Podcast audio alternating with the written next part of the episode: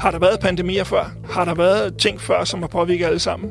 Kunne man have tænkt, hvad nu hvis det sker? Kunne man have lavet en risikoanalyse, der siger, hvis jeg bliver ramt af en, eller vores virksomhed bliver ramt af en pandemi, kan man arbejde med sådan og sådan?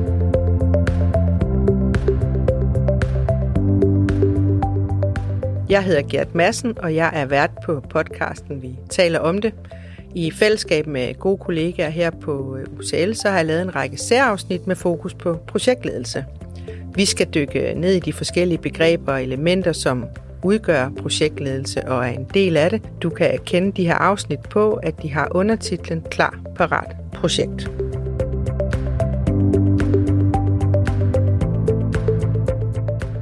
Velkommen tilbage i studiet, Jan. Tak skal du have. Vi skal snakke om risikoanalyse. Ja. Jeg tænker, det må være et godt øh, værktøj at have fat i, fordi det er jo sådan lidt ofte, vi hører om øh, projekter, som ikke helt øh, lykkes. Så, øh, ja. så risikoanalysen, øh, er det øh, svaret på, på det?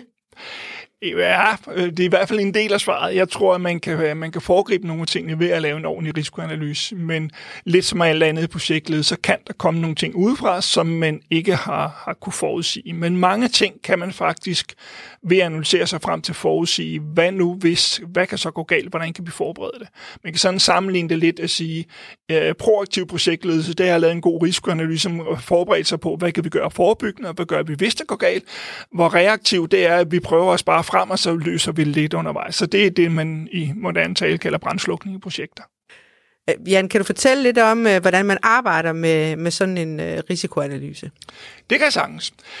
Lidt som øh, når man arbejder med sine interessenter og sine andre ting i forberedelse af projekt, så starter man allerede der ved at kigge på, hvilke ting kan gå galt i det her projekt. Det vil sige, at man lister alle de mulige ting, der kan gå galt. Og det er lige fra det helt utrærede, som man tænker, det kommer nok ikke til at ske, men hvis nu det sker, så er man nødt til at være forberedt på det. Så man lister alle de forskellige ting, der nu kan gå galt. Og så giver, scorer man det efter en, en faktor 1-5 eller 1-10, og det kan være, øh, hvad er sandsynligheden for, at det her det går galt, og hvad er konsekvensen, hvis det går galt. Det vil sige, at den ene er lidt forebyggende. Hvad kan jeg gøre for, at det ikke kommer til at ske? Og den anden er øh, lidt, når det faktisk er sket, hvad kan jeg så øh, gøre for at mindske skaden i omfanget af mit projekt? Eksemplet kan være, at jeg sidder i en styregruppe til et projekt, og jeg har en øh, meget kompetent og meget vigtig øh, projektleder, der skal være med til at køre det her projekt, og så har jeg selvfølgelig en risiko for, at denne projektleder vælger at sige op eller finde anden arbejde. Det vil have en kæmpe betydning for mit projekt, og den måde er der en risiko for, at projektet kan fejle, hvis ikke det er det. Så hvis jeg skal sige, hvad stor er sandsynligheden for, at denne projektleder vælger at finde anden arbejde, så kan jeg måske score det. Hvis jeg, det er en person, som, som er eftertragtet, så vil det være en person, som måske ligger på 3 eller 4 på en 5-skala. Øh, konsekvensen for et projekt, den kan være helt op på 5, for hvis jeg ikke har ham, som har viden om det her specifikke projekt, så kan der en kæmpe, kæmpe fatal konsekvens for min, mit projekt. Så kan jeg sige, at hvis jeg ganger de to sammen, så vil jeg få en faktor 15 eller faktor 20, det vil sige, at det er ret højt på den her faktorskala, og jeg er nødt til at have et, et øhm, værktøj til at forberede mig på, hvad gør jeg, hvis det går galt der deler han så igen og siger, hvad kan jeg gøre forebyggende, hvad kan jeg gøre for, at sandsynligheden udebliver for, at han ikke søger andet arbejde, det vil sige, sørge for at have en god dialog med ham, sørge for, at han er glad for det arbejde, han har, sørge for, at, at han ikke overvejer at søge et andet sted hen. Øh, den anden ting, jeg kan kigge på, det er, hvis nu konsekvensen af det, hvis nu det rent faktisk sker, hvad kan jeg så gøre for at mindske den konsekvens? Det kunne være ved at have en ekstra projektleder på, der er viceprojektleder, eller hvad man kalder det, en, en hjælper, en assistent, der på den måde kan overtage, hvis nu det sker, at denne person forsvinder. Og det kan man gøre med stort set alle de forskellige risici, der, der er det her. Med et byggeri kan det være nogle materialer, der ikke kan komme frem på grund af transportmuligheder. Med, med et forretningsprojekt kan det være, at man møder noget andet modstand. Men man hele tiden forbereder sig på, hvad kan gå galt, og hvad er sandsynligheden for det, hvad er konsekvensen for det. Har man så ligesom nogle, nogle øh, lister eller nogle modeller, alt efter hvad det er for en type af, af projekter? Fordi jeg tænker, der, der kan jo være mange forskellige ting, som har en indvirkning på, på ens projekt, alt efter om jeg skal bygge et hus, eller om jeg skal lave øh, en Tinderbox Festival, for eksempel. Altså så, der, der kan vel være noget, hvor, hvor vejret er vigtigt, og noget, hvor nogle andre ting er vigtigt. Så hvordan, altså kan man på en eller anden måde sikre, eller sandsynliggøre, at man får det hele med? Jeg kan næsten med sikkerhed sige, at man får aldrig det hele med. Nej. Men du har ret i, at man kan sandsynliggøre, at man får mest muligt med. Jeg skænder den normalt, men når jeg sammenlægger den lidt med den her interessante analyse, som vi snakker om i et andet afsnit, at hvis man kigger på den, så har man de forskellige personligheder, man kan trække ind i sin interessante analyse. Dem, der er nøglepersonerne, er vi nødt til at kigge med ind i vores risikoanalyse. Er der mulighed for, at de mister motivationen, eller de ikke vil, og så laver man noget forebyggende for det, og man kigger også på konsekvensen. Og det vil sige, at man kigger på nogle, hvad har jeg tiltag, der modvirker det ene, og tilsat der modvirker det andet.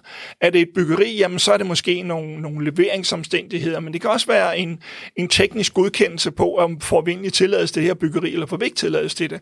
Er der nogle andre ting, vi skal spille på? Så det er lidt samme form, man bruger, men der er selvfølgelig forskel på, hvilke ting man vægter i sin risikoanalyse. Og hvis jeg har et lille forandringsprojekt, der består af, at jeg har et team med fire med, medarbejdere, og de fire medarbejdere skal alle sammen være involveret, for det her rent faktisk bliver succes i henhold til mit mål og mit formål, så er formålet, at de alle sammen er med på den anden side. Hvis målet bare er, at vi får en effektiv afdeling, så kan jeg være lidt ligeglad med, om alle sammen kommer med, fordi de bliver effektive, og den ene af dem så fortrudt, at vil ikke være der mere. Men hvis målet er, at jeg gerne vil beholde alle fire, så er jeg nødt til at, at kigge på, på nogle andre risici. Ja, fordi jeg tænker, vi, vi står lige en tid lige nu, hvor der er nogle helt vildt gode eksempler på noget, der kan være svært at forudsige. Ikke? Jeg tænker covid-19, øh, hvor mange havde lige set det komme, at vi skulle havne i en pandemi. Så har vi krigen i Ukraine også. Ikke? Altså, så, så der er jo der, der kan jo virkelig være mange faktorer, som man ikke sådan lige går rundt øh, i dagligdagen og tænker over, som kan påvirke ens projekt. Ikke? Ja, hvis jeg må provokere den, det gør jeg i hvert fald alligevel, så kan man sige, øh, var det meget usandsynligt, at der kom en pandemi. Har der Øhm. været pandemier før? Ja, det har, Har der været ting før, som har påvirket alle sammen? Kunne man have tænkt, hvad nu hvis det sker? Kunne man have lavet en risikoanalyse, der siger, hvis jeg bliver ramt af en, eller vores virksomhed bliver ramt af en pandemi, kan man arbejde med sådan og sådan. Øhm, et eksempel, øhm, jeg har øhm, i, en anden podcast har jeg lavet et interview med øh, Kenneth Åbenhus, som er øh, leder op, eller han er økonomichef op i det, der hedder Fairpoint. Han sad tidligere som administrerende direktør i Garmin Danmark. Han arbejder med beredskabsplaner. Øh, jeg tror ikke, jeg kender nogen person, som er mere specifik i sin risikoanalyse, sin forberedelsesberedskabsplan, som han er. Det er helt ned på, at hvis du møder en dag, og en pære er sprunget, så er der en beredskabsplan for, hvordan den enkelte person sørger for at få løst problemet, fordi ellers, ellers går alle sammen bare forbi og ser, at det ikke er. Han har lavet en beredskabsplan, der gør, at hvis nu I møder op på arbejde en dag, og vores lager er brændt, hvad er så handleplanen? Hvor man siger, jamen selvfølgelig sker det ikke, det kommer aldrig til at ske. Men rent praktisk, så øhm, i forbindelse, jeg var oppe og holdt et interview med ham, så en uge inden, så var der lager, der var brændt lige i nærheden, et stort øh, tøjfirma, og der mødte alle medarbejderne ind og stod og kiggede på det der, og alle sammen de sagde, nå, jamen hvad skal vi så gøre? Og det var først, da øh, selve ledergruppen kom ind, det begyndte at tage fat i dem, der rent faktisk kom og skulle afhente varer, øh, i de kunder, de skulle levere til den dag. Hele det der beredskab, det var slet ikke lavet. Så på den måde, jeg tror, man kan få rigtig mange ting med, når man laver sin risikoanalyse. Jamen, det er jo, det er jo fuldstændig utænkeligt. Jamen, i det vi har tænkt det, så er det jo ikke utænkeligt. Så er der sådan en forskel på, at er det sandsynligt, at det kommer til at ske, så skal vi det med. Det, der er usandsynligt, at det kommer til at ske, jamen, hvis der har været noget, så vil vi faktisk forudsige, vi tror ikke på det, men hvis det sker, så skal man tage det med ind i sin, øh, sin øh, risikoanalyse. Vi havde nok ikke forventet, at der kom krig i Ukraine. Nej. Men vi lever i en verden, hvor der er krig rigtig mange forskellige steder.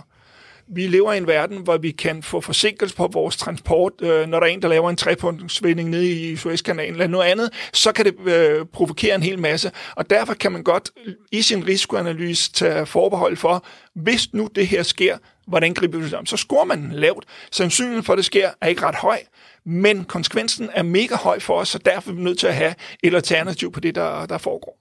Så kan man sige, at øh, der er en vis score, der gør, at øh, når man er over 10 eller sådan noget, så laver man en plan, eller hvordan ser det Ja. ud?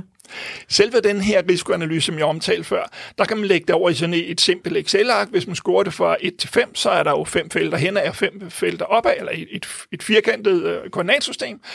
Scorer man den 10, så er det klart, så er der 10 opad og 10, 10 henad.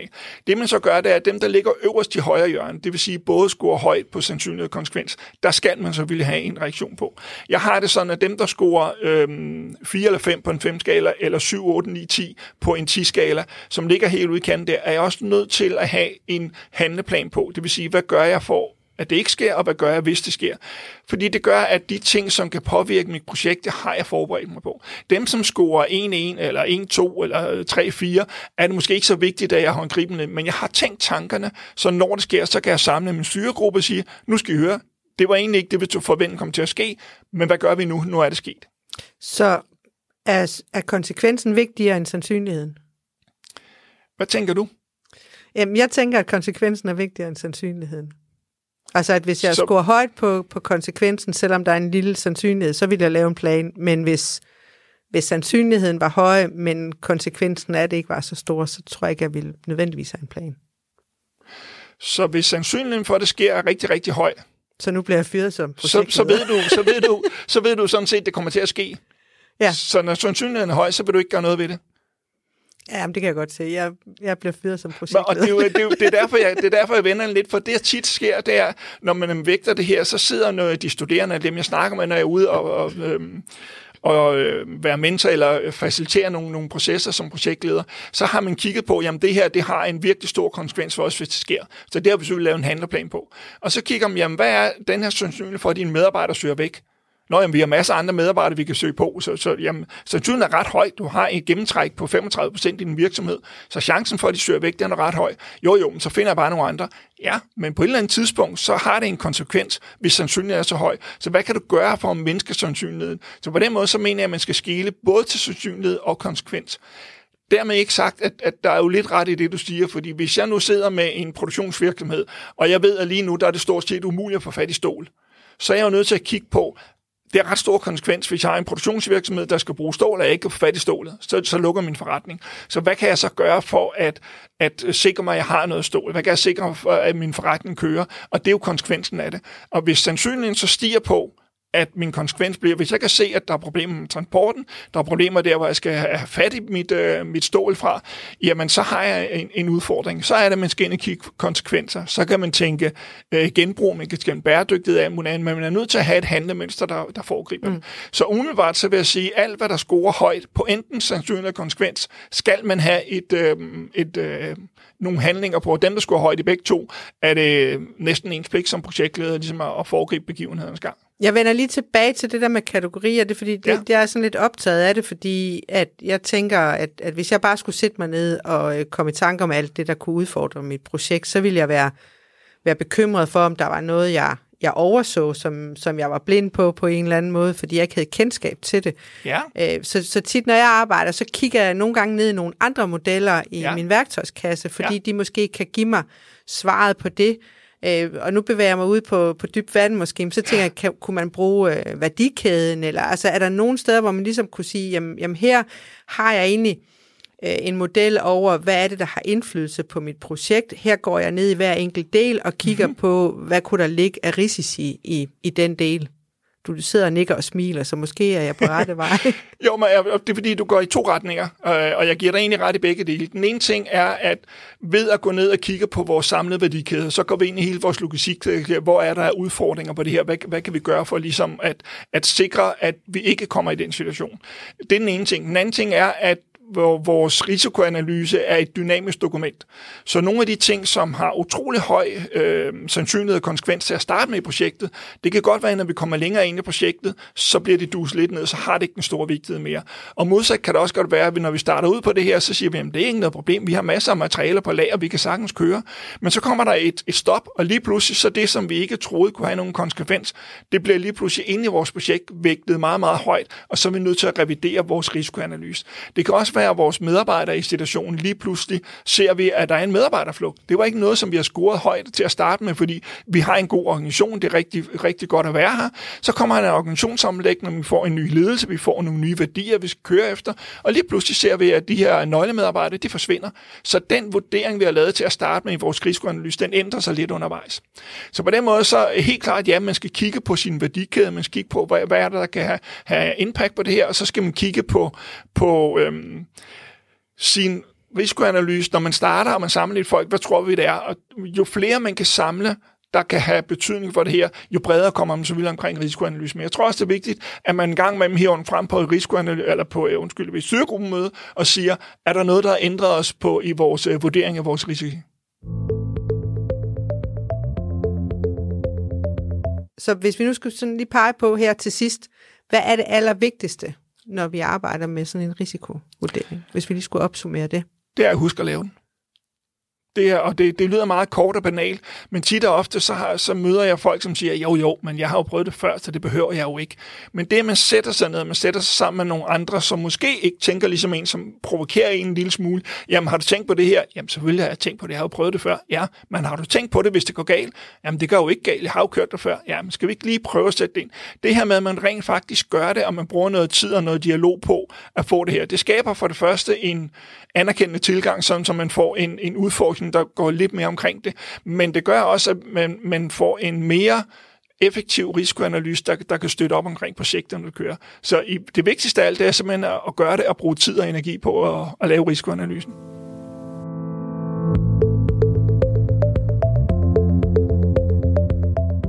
Så fik vi talt om projektledelse. Jeg hedder Gert Madsen, og jeg har sammen med Julie Koval produceret denne podcast. Hvis du vil høre mere om projektledelse, så gå på opdagelse i de andre afsnit af Klar Parat Projekt.